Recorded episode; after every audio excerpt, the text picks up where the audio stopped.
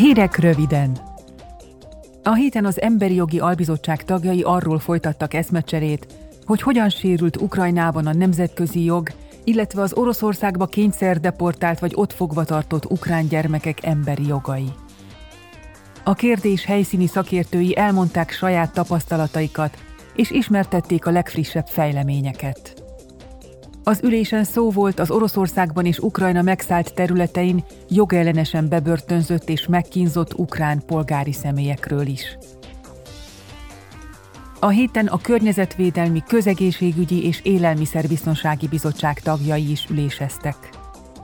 A fluor tartalmú üvegházhatású gázok használatával kapcsolatban olyan mértékű csökkentési célértékekről sikerült megállapodniuk, amelyek valóban közelebb visznek az Európai Unió által vállalt klímasemlegességhez.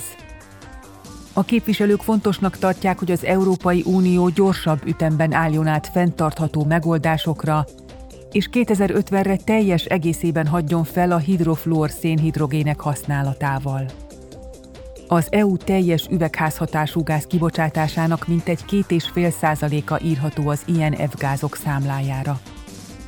Ma még többek között hűtőrendszerekben, légkondicionáló berendezésekben, hőszivattyúkban és tűzvédelmi berendezésekben alkalmazzák őket. A Nemzetközi Kereskedelmi Bizottság tegnap arról tartott meghallgatást, hogy hogyan lehetne fenntarthatóvá, versenyképessé és válságállóvá tenni a kritikus fontosságú nyersanyagok ellátási láncait. Az unió stratégiai önállóságához ugyanis tartósan stabil globális ellátási láncokra van szükség. A mezőgazdaságra és az ipari termelésre immár több évtizede jellemző az ellátási láncok globalizációja, amely ugyan világszintű jelenség, de az Európai Unióban még inkább tapasztalható.